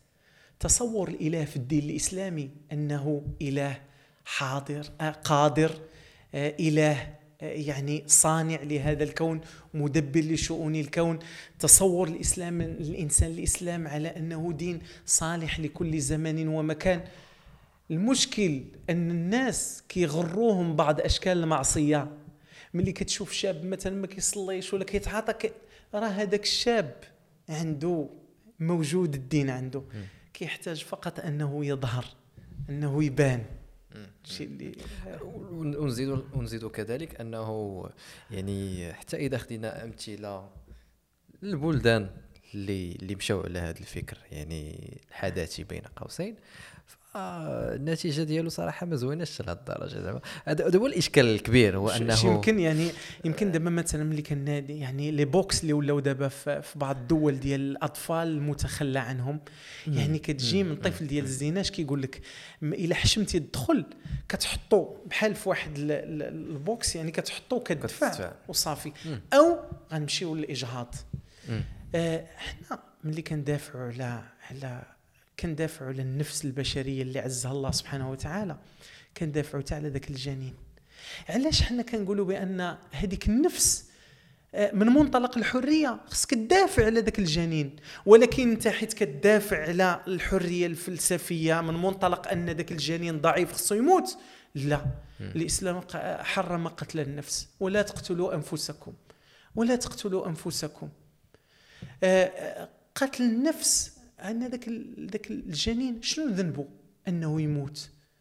أنه يعني غتجي وغدير ليه الإجهاض. وهذاك الإجهاض علاش ما نقراوش الأضرار النفسية اللي كتكون عند ديك المرأة التي تفعل هذا الفعل؟ كيفاش غتكون نفسيه ديال واحد المرأة دارت الإجهاض 12 مرة ستة المرات؟ مرأة آه، ولا عندها دائما كد يعني كتقول لك دائما تيجيني داك الشيء اللي حيدت من كرشي دائما كنعيش كوابيس. ما كايناش دراسات نفسية. ما كايناش. علاش؟ لأن الدراسات النفسية ما كتخدمش هذه الأطروحة. حنا كندرسوا فقط يعني من وجهة أخرى. هذه النفس هذه نفس عزيزة عند الله تعالى. لا يجهض وفي الإسلام ما غنتبعوش ونبقاو عليه انت ابن الزنا انت ابن الزنا. هو ما دار والو. هو ما عندوش ذنب. ما نتنمروا عليه ما والو. إلا كان في الإطار الاجتهاد الفقهي راه غيجتهدوا الفقهاء. أما أنك تجي تقول نشرع الإجهاض راه فرنسا لما قننت الإجهاض راه ما نقصش ال- ال- ال- الإجهاض زاد بواحد الوثيرة كبيرة. واحد الوثيرة كبيرة. إذا ما كاينش الحل هو أنك دير قانون وتسمح الناس بالإجهاض. نحميو هذاك الجنين وهذيك النطفة. كاين بعض الناس غيقول لك لا هذه نظرة فقهية. هذا الفهم ديالك للقرآن. راه الفهم ديال ديالي ماشي عنده قداسة الفهم ديال العلماء هو اللي اللي الفهم ديال العلماء هو اللي خصنا نتبعه لأنه يختزل هذا ال- ال- الأمر. الأحكام الشرعية تختزل على أن الفقهاء كيبداو يشوفوا في القرآن وكيقولوا اللي بغاو. لا راه هذيك الفهوم هي فهوم منضبطة بقواعد. راه الا العالم قال واحد الحاجة راه كأن ذاك الشيء اللي قال كلامه ينزل منزلة الأمارة على حكم الله كأنه هو حكم الله سبحانه وتعالى في حقي. تصور دابا أنا مشيت عند شي مفتي وبغيت نهرب من شي أمر بغيت نهرب من الزكاة ولا بغيت هذا. إلا مشيت عنده وسولته وفتاني بواحد الفتوى واخا تكون على خلاف الهوى ديالي خصني نعمل بها. ماشي نقول لا أجي نجي نمشي عند الآخر. يقدر يقول لي يجوز. لا. ولذلك المشكل هو أننا نصور بأن الخلاف ديالنا مع فهوم. لا. الخلاف ديالنا هو مع آه، آه، مع حكم شرعي. العالم هو اللي كيصمتو ملي كيقرأ القرآن عنده آليات عنده ضوابط. هو اللي تيقول لنا أشنو غيدار وي. هذا اللي كاين. يعني ما- ماشي الخلاف ديالنا ولا مع فهم لأن دابا ملي كتطرح القضية كيقول لك أودي راه الفهم ديالك هو اللي كتحاكمني به. وتضفي عليه قداسة ديال النص الشرعي. لا الفكر ديال العلماء هو منضبط بقواعد هي كذلك من الوحي هي اللي كيتعامل بها. أكيد أكيد. أنا أنا كان أنا خصنا ناكدوا أنه في نهاية المطاف آه، إذا بغينا نفهموا الدين أو لا بغينا نعرفوا معلومات ديال الدين خص ضروري نمشيو عند الناس المختصين آه، الفكرة ديال أنه أي واحد كيفما كان النوع ديالو أنه يجي يهضر على الدين فهي فكرة غلطة غلطة بالنسبة لي نعم هذا هذا أدى لواحد المشكل. آه، حتى آه، سيدي يوسف يعني بعض الناس اللي تعاطوا للدعوة وللأسف أفسدوا أكثر مما أصلحوا. لأن ولا الإنسان يعني كيتكلم آه، شي كلام اللي اللي يقدر أنه آه، غير منضبط بالشرع. فيه مثلا غلو فيه تشدد وكيلبسوا لبوس الدين. كيسمعوا الشاب أول مرة كيمشي يدير به بحال دابا هذه المسألة ديال أنه يمشي يضرب شي واحد فاطر. ولا أنه واحد السيدة مثلا آه، لابسة شي حاجة ماشي هذيك يمشي يهجم عليها وكذا. هذا مشكل. وهذا المشكل شكون اللي داروا هذا المشكل داروا ملي كنسدوا المنافذ اللي خصها تكون محلولة. قبيله دويتي لي على العالم يعطي قيمة لراسو. راه حنا خصنا كذلك نحترموا هذا العالم ونعطيوه قيمة. لأن شكون اللي شكون اللي دابا كيحب أن ولده يكون عالم؟ ملي كنمشيو دابا للشعب ولا المدارس يعني الناس كيختاروا الشعب العلمية. أنا كنتذكر أنا كنت تخصص تربية بدنية. جيت قلت لهم غندير الدراسات الإسلامية. قالوا لي ودي هذا. قال لي خويا هذا الشعبة ما كتوكلش الخبز. قلت له ودي. كيعجبنيش الخبز. ما مش الخبز. قلت له ودي أنا كنبغيها يعني. هذه الشعبة أنا حبيتها وحبيت القرآن وحبيت الناس ديالها. مشيت درتها. الحمد لله كلينا الخبز وكلينا اللوز والقرقاع وكلينا الحلوى وكل شيء. أه، صراحة هذه القضية مزيانة أننا نهضروا فيها ونخرجوا نيت على هذا النقاش كنظن أننا هضرنا فيه ما فيه الكفاية. وهو ديال مبدأ الرزق. نعم. اللي اللي كنظن أنه بقوة أنه ولينا مع الماديات بزاف فما ولينا ولينا الرزق بعدا déjà بغينا نديروه بأي طريقة.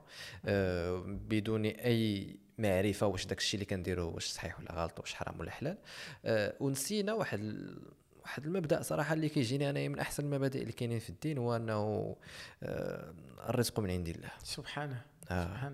وكنظن انه بز... شي في راسك هو بزاف ديال الناس راه راه محتاجين يسمعوا غير هذه القضية و... ويدخلها لبالو. راه في نهاية المطاف ارجع انت انت ولينا حاطين واحد واحد تقل في راسنا ديك اللعبة ديال باغي ندير باغي نولي مليونير باغي ندير ما نعرف اي شنو. commerce e-commerce وكذا فهمتي؟ وديك اللعبة ديال أنني راه أنا اللي كندير. ماشي ماشي كنسعى وربي كيرزقني لا راه أنا اللي كندير. وهاد القضية ديال أنا اللي كندير راه كتبان في- حيت حنا كبشر كي كنبغيو كنبغيو نعرفوا انه راه حنا اللي كنديرو. حيت كتحس براسك انك عندك واحد ال contrôle على حياتك. ولكن راه في نفس الوقت باللي كدير وما كيجيكش في ديك الساعة كتولي تدمر. وكتولي تشك وكتولي تقول علاش وهذا. وهذا الشيء كامل كيفسروا الدين ديالنا في بكل سهولة. وفعلا قضية الرزق محتاجين آه، أننا بعدا نعرفوا شنو هو الرزق. الرزق. الناس كلها أو معظمها كتختزل الرزق في الماديات. مع أن الرزق المفهوم ديالو في الشريعة الإسلامية هو مفهوم واسع. الرزق الله سبحانه وتعالى خلق الإنسان وقدر له رزقه. ولن تموت نفس حتى تستكمل رزقها وأجلها. الرزق والأجل كيمشيو بجوج. يعني انتهى الرزق ديالك انتهى الأجل ديالك. آه الرزق عندنا يقدر يكون صحة في بدن. صلاح في أولاد اولادك مرضيين الزوجة ديالك مرضية معاك إنسانة صالحة هذا رزق. عندك الاستقرار في البيت ديالك هذا رزق. يعني أننا كنشوفوا أن الرزق الله سبحانه وتعالى قسم الأرزاق بين العباد. وهذا التقسيم هو من منطلق حكمة الله سبحانه وتعالى. الله تعالى حكيم. حكمة شنو هي أنه يضع الشيء موضعه الموافق للغاية المحمودة منه. الله الله تعالى حكيم. فإذا بعض الناس ولات كتشتكي تيقول لك ودي أنا خصني يكون عندي هذا الشيء. لأن لا خصني نعيش في المجتمع بهذا المستوى هذا. وكيولي كيهدم أو كيضيع هذاك الرزق اللي عطاه الله سبحانه وتعالى في سبيل رزق آخر من منظور كيشوفه هو أنه خصو يكون. كتلقى الله سبحانه وتعالى عطاه واحد الاستقرار في الأسرة عطاه واحد المدخول آه، اعطاه واحد الأبناء صالحين كل هذا رزق كل هذا رزق. لكن اللي ولا الآن هو اختزال الرزق في الماديات. الله سبحانه وتعالى تعالى يقول وفي السماء رزقكم وما توعدون. لما ذكر الله الله تعالى ظرف الرزق الذي هو السماء قطع على أهل الأرض أن يتحكم بعضهم في أرزاق بعض. قطع عليهم أنه يتحكموا في أرزاق ديال بعضهم. لكن هذا الرزق لا يلتمس إلا بالحلال. لأن إلى التمستيه بالحرام ما بقاش رزق. أصبح وبالا وأصبح مالا حراما. وبالتالي البركة ما كتكونش. هذا مفهوم ال- البركة خصنا نعرفه البركة راه ماشي شيء خرافي. البركة هو أن الله سبحانه وتعالى تيعطيك واحد الجزء من المال وكتستطيع أنك تنتفع به. ويقدر يعطي الواحد بحالك هذاك الجزء ديال المال وما يتصرفش عليه. بجوج كيشدوا أجرة واحدة 10000 درهم 10000 درهم 5000 درهم 5000 درهم. هذا شدها بالحرام. ما فيها بركة. هذا شدها بالحلال فيها بركة. انتفع بها. شحال من أسرة؟ كتعجب. كتقول ليه شحال كيشد الوالد ديالك ولا كذا؟ وما خصكش تسولو من الأول حنا كنفرضوا يعني كتلقى مثلا 3000 درهم 4000 درهم وكتلقى الأسرة غادة و- وسكنهم وكلهم وقراهم وشربهم. ومع ذلك سبحان الله العظيم في المقابل تلقى واحد كيشد واحد المبلغ كبير. ولكن ما ما قدو في حتى شي حاجة ما استطاعش أنه يقدو ولذلك الإسلام رغب في العمل. أنا ما كنقولش لك غنجلس وغنقول الله تعالى رزاق وكذا هذا راه كيتسمى تواكل. أكيد هذا. راه سوء ظن بالله سبحانه وتعالى. مم. الله تعالى أجرى الكون على وفق الأسباب ولو شاء الله تعالى لأجرى الكون على غير أسباب. ولكن ليوافق ولكن ليكون الإنسان متوافق مع سنن الله تعالى في الكون. أن ربط الأسباب بمسبباتها جعل لك الرزق. الله سبحانه وتعالى قال لأقوام وتزودوا فإن خير الزاد التقوى. هادو كانوا كيمشيو للحج تيقولوا حنا نمشيو غادي للحج. الله تعالى غير رزقنا. قال لهم الله تعالى وتزودوا. أي تزودوا بما يكون بلغة لكم ولكن هذا ليس هو الزاد. فإن خير الزاد التقوى. فالإنسان خصو يبذل واحد السبب يدير واحد. السبب لأجل الرزق. ولكن الخطير في الأمر أننا ولينا كنشوف هاد المنصات ديال التواصل الاجتماعي والإنستغرام وكذا تيخرج عليك شي واحد وكيبغي يبين للناس أنه خصو يكون نسخه طبق الأصل منه وأنه هو كما دار الفلوس حتى الناس غدير الفلوس بنفس الطريقة. وهو يمارس عليهم شيئا من الخداع. وهاد الناس خصهم يخافوا الله سبحانه وتعالى. شحال من أسرة تدمرت بسبب هاد الناس؟ فعلا.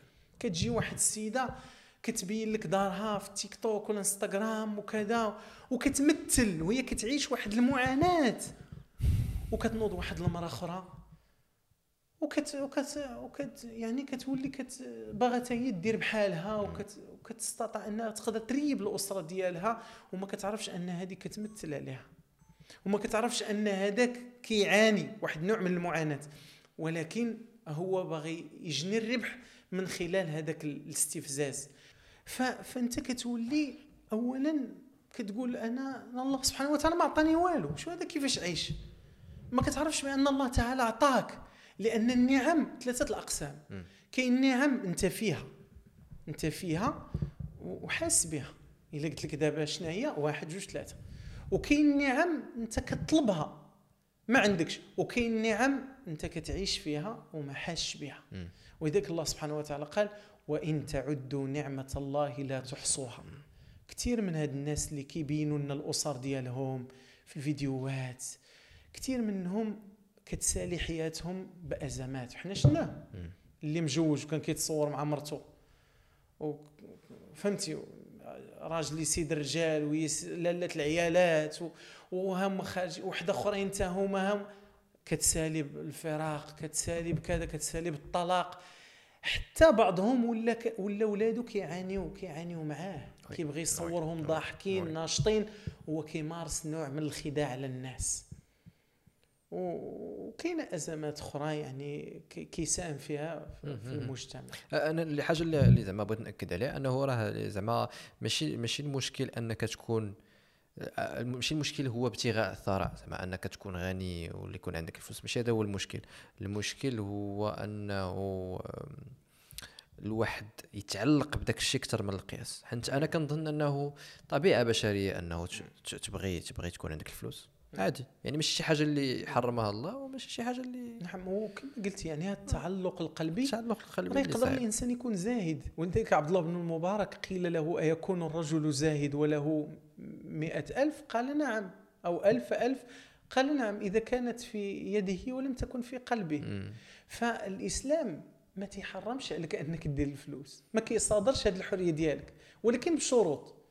تخرج الزكاة من هذا المال. خلص الزكاة. هاد الزكاة اللي ولا الناس بعض الناس ما ولاو كيتعاملوا معها بواحد المنطق ديال كنتصدق. راه كنعطي واحد البركة.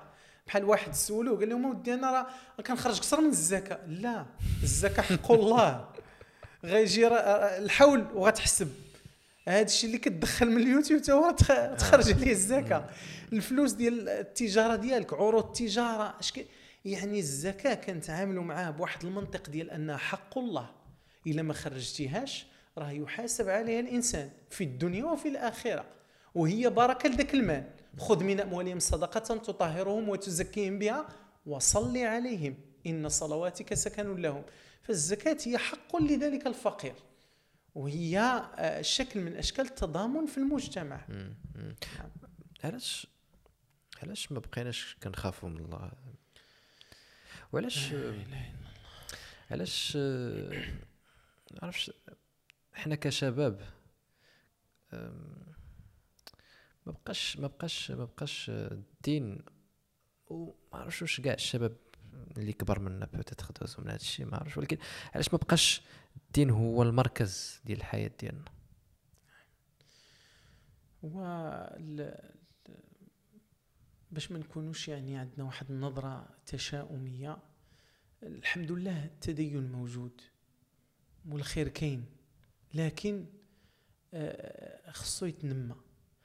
الخوف من الله سبحانه وتعالى هو واحد واحد الشعور رائع. علاش؟ لأن الخوف من الله سبحانه وتعالى هو ماشي بحال الخوف من أي شيء. إذا خفت من شيء فإنك تفر منه إلا الله. إذا خفت منه تفر إليه. ولذلك قال الله سبحانه وتعالى ففروا إلى الله. لكن الله سبحانه وتعالى ربط تغير حال الإنسان بتغير ما بنفسه. إن الله لا يغير ما بقوم حتى يغيروا ما بأنفسهم.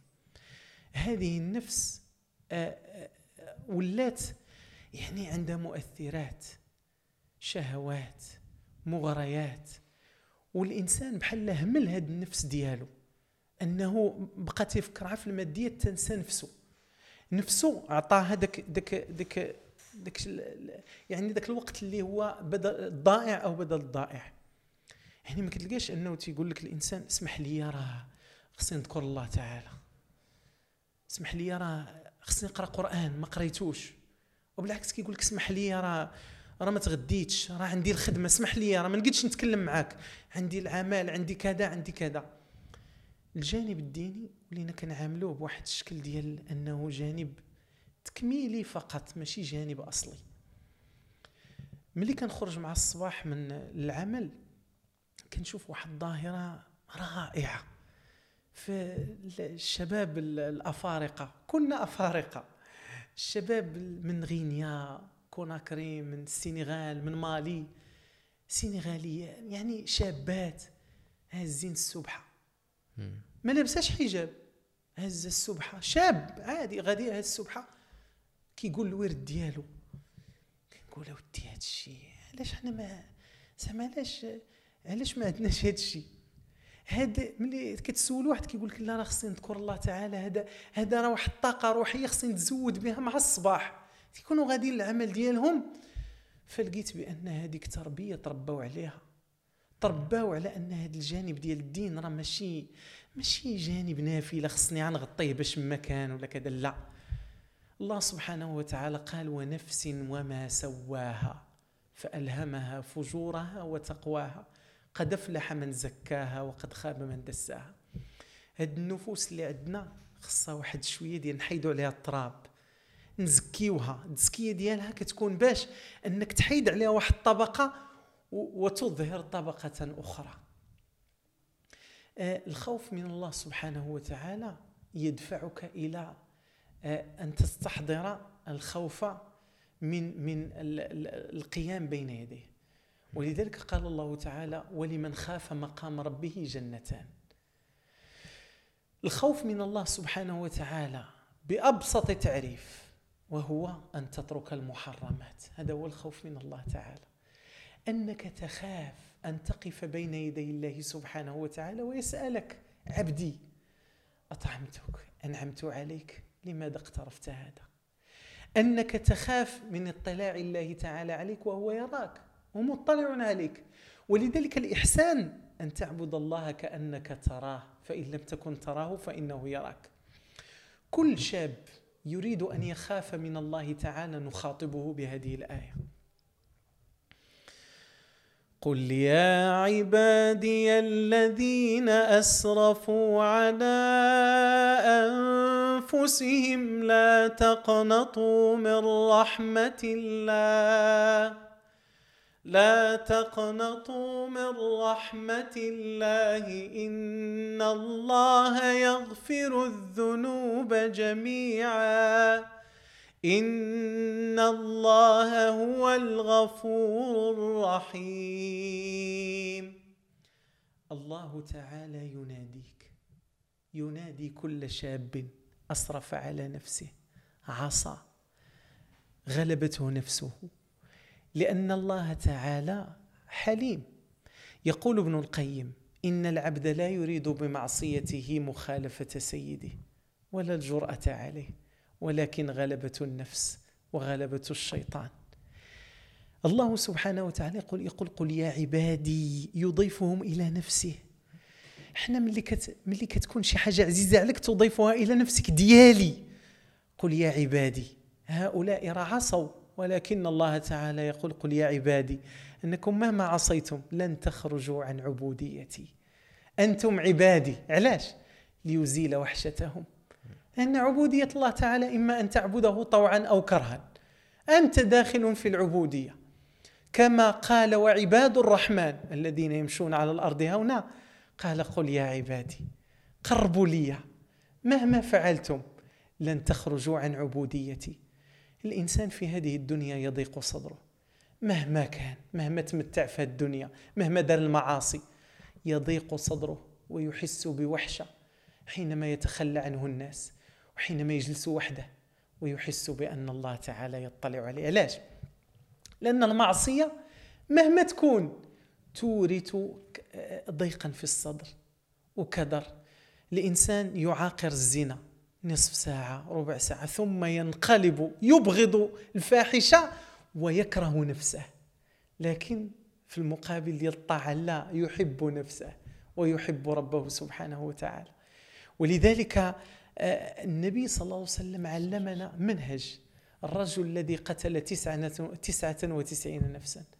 مشى عند عالم مشى عند راهب. إنسان ماشي عالم. قال لي هل لي توبة؟ ليست لك توبة. ولاش غتعيش انت ناقص واحد ناقص مشكل. تنكمل به كمل به. لكن ذهب عند عالم. هل لي توبة؟ نعم. هذا هو الأمل. الإسلام فيه الأمل. نعم اذهب إلى أرض كذا فإن فيها ناسا يعبدون الله فاعبد الله معهم. وذاك الشاب اللي بغى يتوب والشابة اللي بغى تتوب شوفي الوسط اللي داير بك. إلا ما كانش كيعاونك انتقلي. انتقل. إلا كان واحد الطريق كل ما مشيتي فيه كدير هذاك الشيء بعد عليه. اذهب إلى أرض كذا وكذا. فإن فيها ناسا يعبدون الله فاعبد الله معهم. يلا كان غادي قبض. تنازعته ملائكة الرحمة وملائكة العذاب. أوحى الله إلى أرض العذاب أن تباعدي وأوحى الله تعالى إلى أرض الرحمة أن تقاربي. الله سبحانه وتعالى رحيم. وذلك إرادة الله والله يريد أن يتوب عليكم. ويريد الذين يتبعون الشهوات أن تميلوا ميلا عظيما.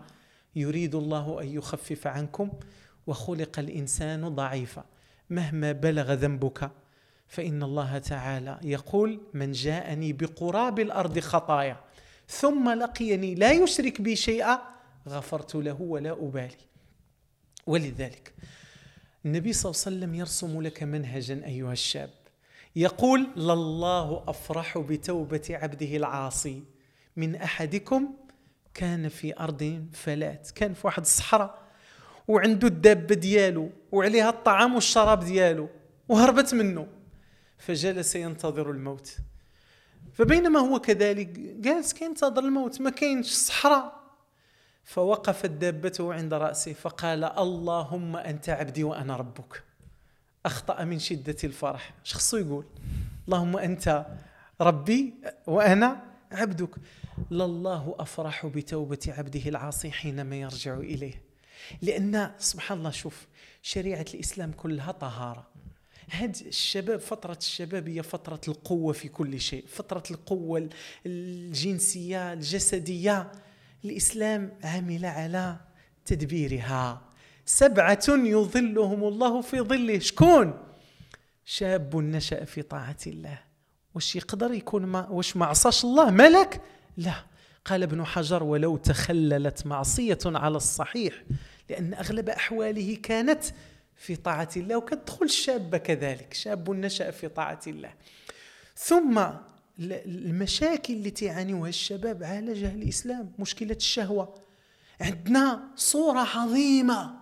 صورة يوسف فيها قيمة كبرى قيمة العفة. وراودته التي هو في بيته في بيتها عن نفسه وغلقت الأبواب. قالت هيت قال معاذ الله. الإسلام حرم الأسباب المفضية إلى المعصية. منع يعني الخلوة. انت وياها بوحدك. الشيطان غيبدا ينفخ في الريوس بجوج النظر إن كان بشهوة قل للمؤمنين يغضوا من أبصارهم. يعني كل الأشياء التي تؤدي إلى المعصية عمل على تيسير سبل الزواج إنسان أنه يتزوج. كذلك الخطاب ديال الإسلام مع الشباب هو خطاب واقعي ماشي خطاب هلامي. يعني النبي صلى الله عليه وسلم جاء عنده شاب تيقول ليه ائذن لي في الزنا. تصور أنا كنتصور دابا شي شاب دخل عند شي شيخ قال ليه الشيخ عافاك عطيني autorisation بغيت نمشي آه جري عليه ولا شوف. يضربوا ولا لا لا يقدر ما يضربوش. ممكن ما نعرف. فاذن لي في الزنا اجلس أترضاه لأمك؟ أترضاه لأختك؟ قال لا. قال ولا الناس يرضونه أسلوب منطقي أسلوب عقلي. يعني أننا نحتاج في مخاطبة هؤلاء الشباب إلى مخاطبتهم بالمنهج النبوي الذي يعتمد على الوسطية. إن في الأخير والله يريد أن يتوب عليكم. ويريد الذين يتبعون الشهوات أن تميلوا ميلا عظيما. أول ما يصلح الإنسان به نفسه هو هذه الصلاة. نشوف علاقتي بالصلاة كي دايره إلا كنت كنجمعها راه غنتركها يجي عندك شي واحد كيقول لك راه كنجمع. ما يمكنش تجمعها. لأن ما يمكنش مثلا شي واحد تجي عنده الأم ديالو مع الصباح تقول لي هكا ولدي تعشى. رانا في العشية ما غنكونش. معروضة. هاك خذ. راه الصلاة هذاك الوقت اللي دار لها الله سبحانه وتعالى لأجل أن تحقق شيئا مقصودا. إن الصلاة كانت على المؤمنين كتابا موقوتا. علاش هذه الصلاة كتكرر خمس مرات في اليوم؟ لأن الإنسان تتكرر إليه نزغات الشيطان ويتكرر له الإغواء. فلما كانت النفس تتكرر لها نزغات الشيطان وتتكرر عليها الأهواء تكررت هذه الصلاة. باش تعرف أن النفس ديالك إلا انضبطت راه كتنضبط. طلقتيها للشهوات والنفس كالطفل آه، إن تفطمه ينفطم وإن تهمله شب على حب الرضاع. فجاء منهج الإسلام المحافظة على هذه الصلوات باعتبارها صمام أمان لإنسان. يصلي كي يدير الرياضة يعني كيكون واحد الإنسان نظيف. ولذلك إلا بغيتي تستدل على صلاحية الإسلام شوف الإنسان اللي يلتزم بالإسلام كيفاش كيكون إنسان نظيف طاهر. في المقابل كاين الخطاب ديال الرجاء كاين الخطاب ديال الخوف. فخلف من بعدهم خلف أضاعوا الصلاة واتبعوا الشهوات فسوف يلقون غيا. غي واد في جهنم. قيل لو وضعت فيه الجبال لذابت من حرارته. والله سبحانه وتعالى يحكي عن قوم قالوا ما سلككم في سقر قالوا لم نكن من المصلين. الله سبحانه وتعالى يسأل العبد عن هذه الصلاة ولذلك لما يوضع في قبره. يسأل الأسئلة الثلاث من ربك؟ وما دينك؟ ومن نبيك؟ أما نتصوروش أننا إحنا في شي في شي امتحان غنجي نجاوب ربي الله دين الإسلام نبي محمد. لا. يثبت الله الذين آمنوا بالقول الثابت في الحياة الدنيا وفي الآخرة ويضل الله الظالمين ويفعل الله ما يشاء. إلا ما كنتيش عايش على هذه الأسئلة في الدنيا ما يمكنش تجاوب عليها في الآخرة. لأن النظرة ديالنا إحنا الدنيا هي مزرعة الآخرة. كن في الدنيا كأنك غريب أو عابر السبيل أول خطوة أن ننطرح بين يدي الله وأن نبكي عليه. هو العالم بضعفنا سبحانه وتعالى. اش ما كنبحثوش في الدين ديالنا؟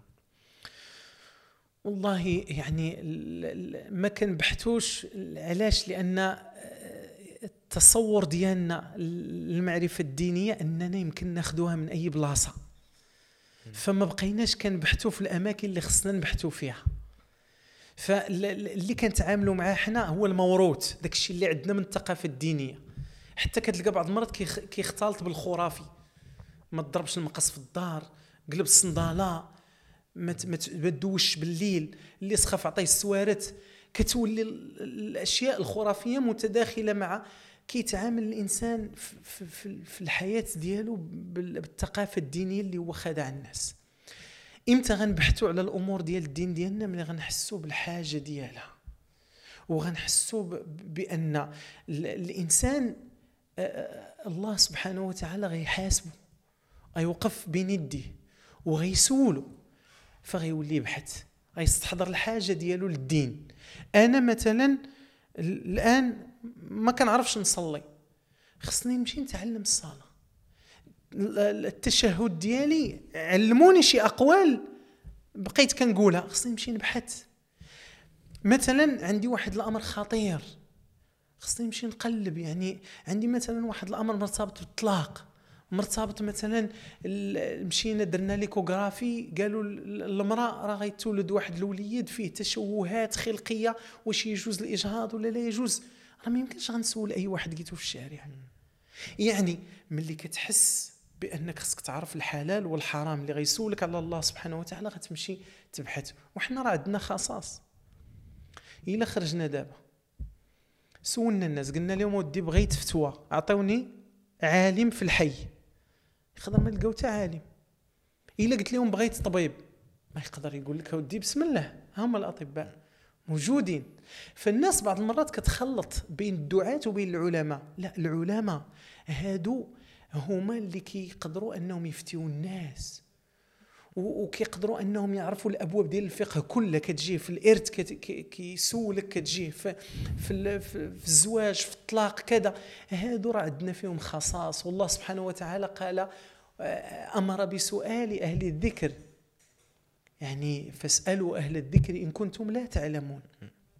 فالبحث عن الدين من منطلق أنني كاينة واحد الحاجة كتقول لي ودي راه خصك تعرف الدين ديالك. وي وي. غنسولك واحد السؤال آه، نيت باش نسألو به. الحلقة يقدر يجيك سؤال شي شوية شوية في شكل ولكن في نظرك شنو هو الهدف من الحياة؟